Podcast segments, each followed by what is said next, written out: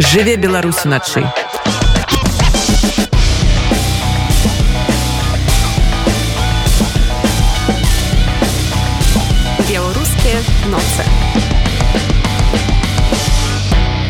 выдавецтва скарына прэс рыхтуе да публікацыі першую гісторыю беларускай літаратуры анталогію ей пісьменства збор квір-твораў будзе называцца мальцы выходзяць з-пад кантролю у прадмове да будучага выдання адзначаецца што беларускі чытач упершыню будзе мець анталогію якая прапануе погляд на літаратуру знутры ей досведу.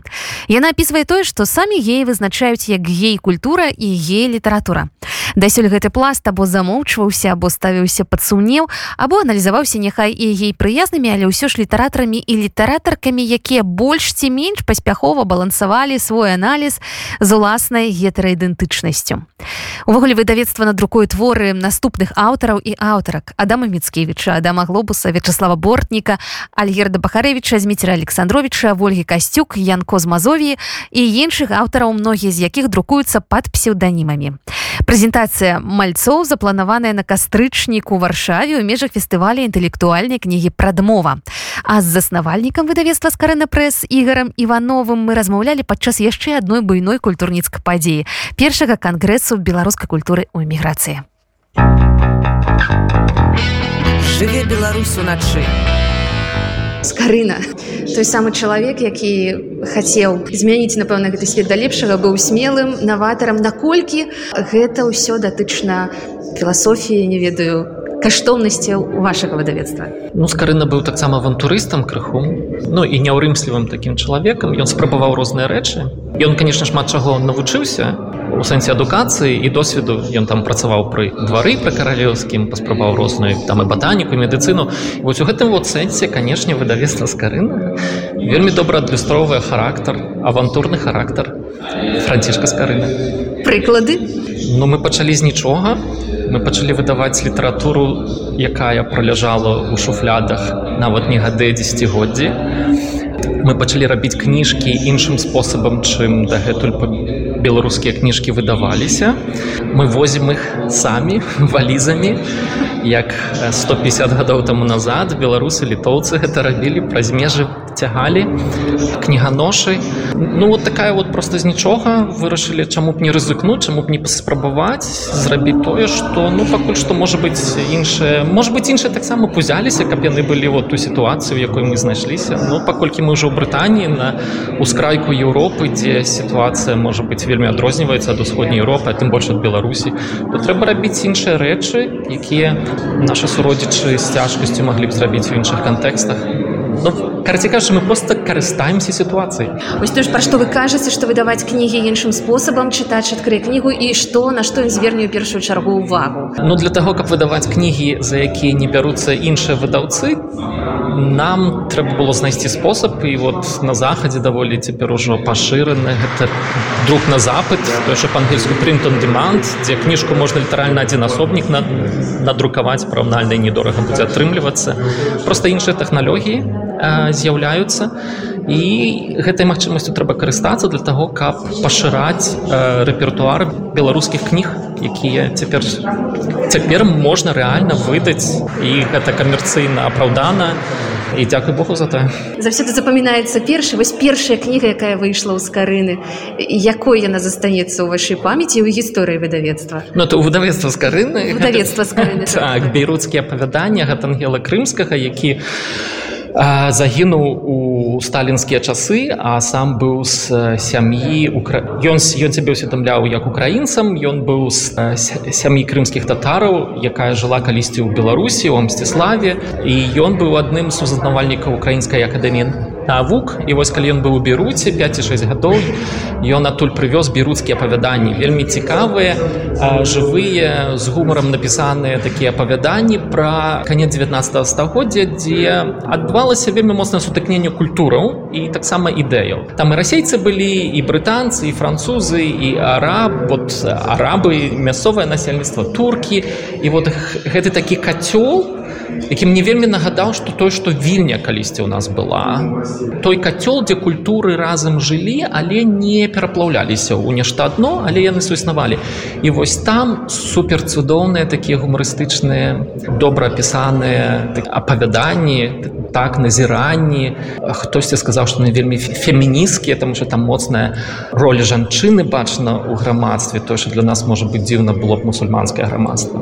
Вельмі цікавая і вот такая клясіка украінскай літаратуры якая праляжала ў шуфлядзе 20 гадоў мы змаглі яе выцягнуць і гэта наша самая папулярная клі вось кніга дагэтуль Аня так давно вы распавялі пра тое што будзе стварацца анталогія анталогія беларускай е пісьменства вы, вы якраз мяне выцягнули з файла анталогіі што называется паліруем цяпер яго каб ужо здаць у друк літаральна можа праз тыдзень праз два і у варшаве на прадмове мы вельмі спадзяемся ўжо будзе прэзентацыя.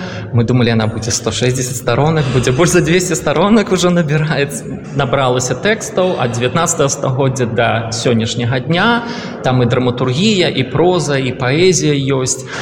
Ну гэта вот тое што я сказаў пра пашырэнне рэпертуара беларускага кнігавыдання беларускай літаратуры. Калі не будзе беларускай квер літаратуры то беларуская літаратура будзе ну не поўная яшчэ ну вот мы запаўняем прагалы такім чынам гэта першую гісторыі падобнай будзе пра якога яшчэ не было асобныя творы друкаваліся ў асобных выданнях але частка анталогіі таксама там частка твораў у публікуецца ўпершыню таксама.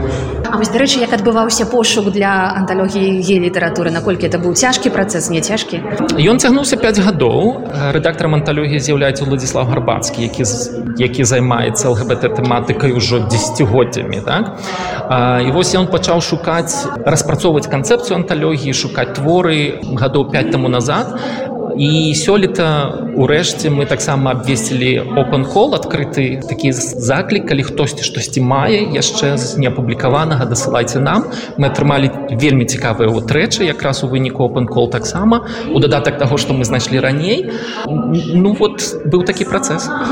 Як сёння выдавецтва у сучасных умовах а тым больш выдавецтва міграцыі можа ўплываць на беларускі літаратурны працэс увогуле такога жорсткага падзелу на літаратурны працэс на бацькаўшчыне і літаратурны працэс у дыяспраці ў эміграцыі Я думаю што няма яго мы чытаем тое ж адбываецца ў беларусі і я атрымліваю вельмі шмат імейлаў і паведамленняў праз месенджеры праз розныя з беларусі пра нас ведаюць кніжкі можа быць канешне фізічна ім цяжка атрымаць але таму амаль усе нашы кнігі публікуюцца ў электронным варыянце некаторыя таксама выдаюцца як аўдыокнігі Таму прынцыпе яны даступныя ў Беларусі.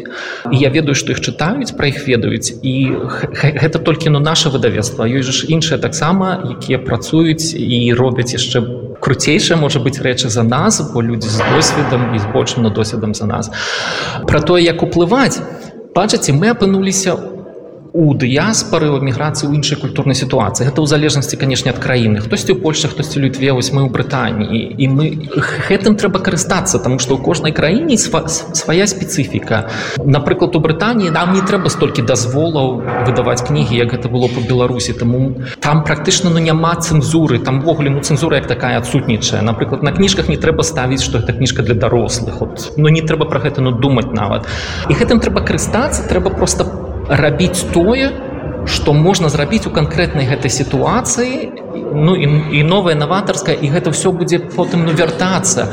Я часта расказваю сваю гісторыю свайго жыцця, калі я быў падлеткам яшчэ я, я чытаў часопіс спадчына, дзе вельмі шмат друкавалася, перадрукоўвалася артыкулаў з эмігранцкіх часопісаў. І я толькі гэта зразумеў, як моцна на мяне эмігранцкая літаратура і культура паўплывала, калі я апынуўся ў брытаніі і пачаў проста глядзець гэтыя эмігранцкія часопісы. І такое адчуванне што быццам бы я кудысьці вярнуўся назад. Такое адчуванне тэжавю калі я адразу пасля бСр у пачатку незалежнай беларусі вось так вось вырас на эмігранцкай у значнай ступені на эмігранцкай культурнай спадчыне гэта паўторыцца. Мы бачым цяпер што гісторыя паўтараецца і будуць наступныя пакаленні якія будуць вырастаць вось на тым што мы сёння робім Што брытанцы ведаюць пра беларускую літаратуру пра беларускіх пісьменнікаў і паэтаў амаль нічога. Калі ўзяць шырокую публіку то у лепшым выпадку канешне яны можа чулі пра Святлану алексеевич калі яна была ў лёндане вось апошнім часам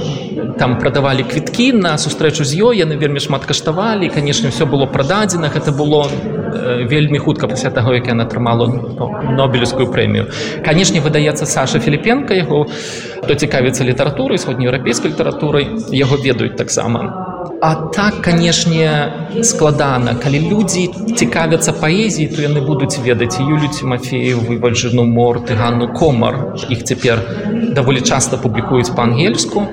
А так канешне у нас праца вялікая праца каб напісаць творы каб яшчэ напісаць творы ці можа быць іх знайсці ў нашай літаратуры якія б маглі зачапіць ну людзей якія жывуць у іншым кантэксце культурным? І апошняе у вас на цішотцы напісана выдаваць кнігі як і пісаць іх акт супраціву патлумачыце калі вас гэта цытата з франка варжака французскага аўтара якога мы толькі што выдалі ягоны роман.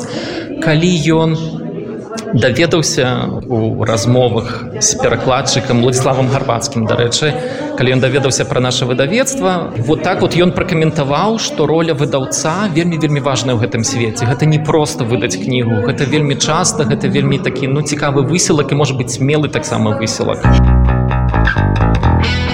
Жыве беларусу начы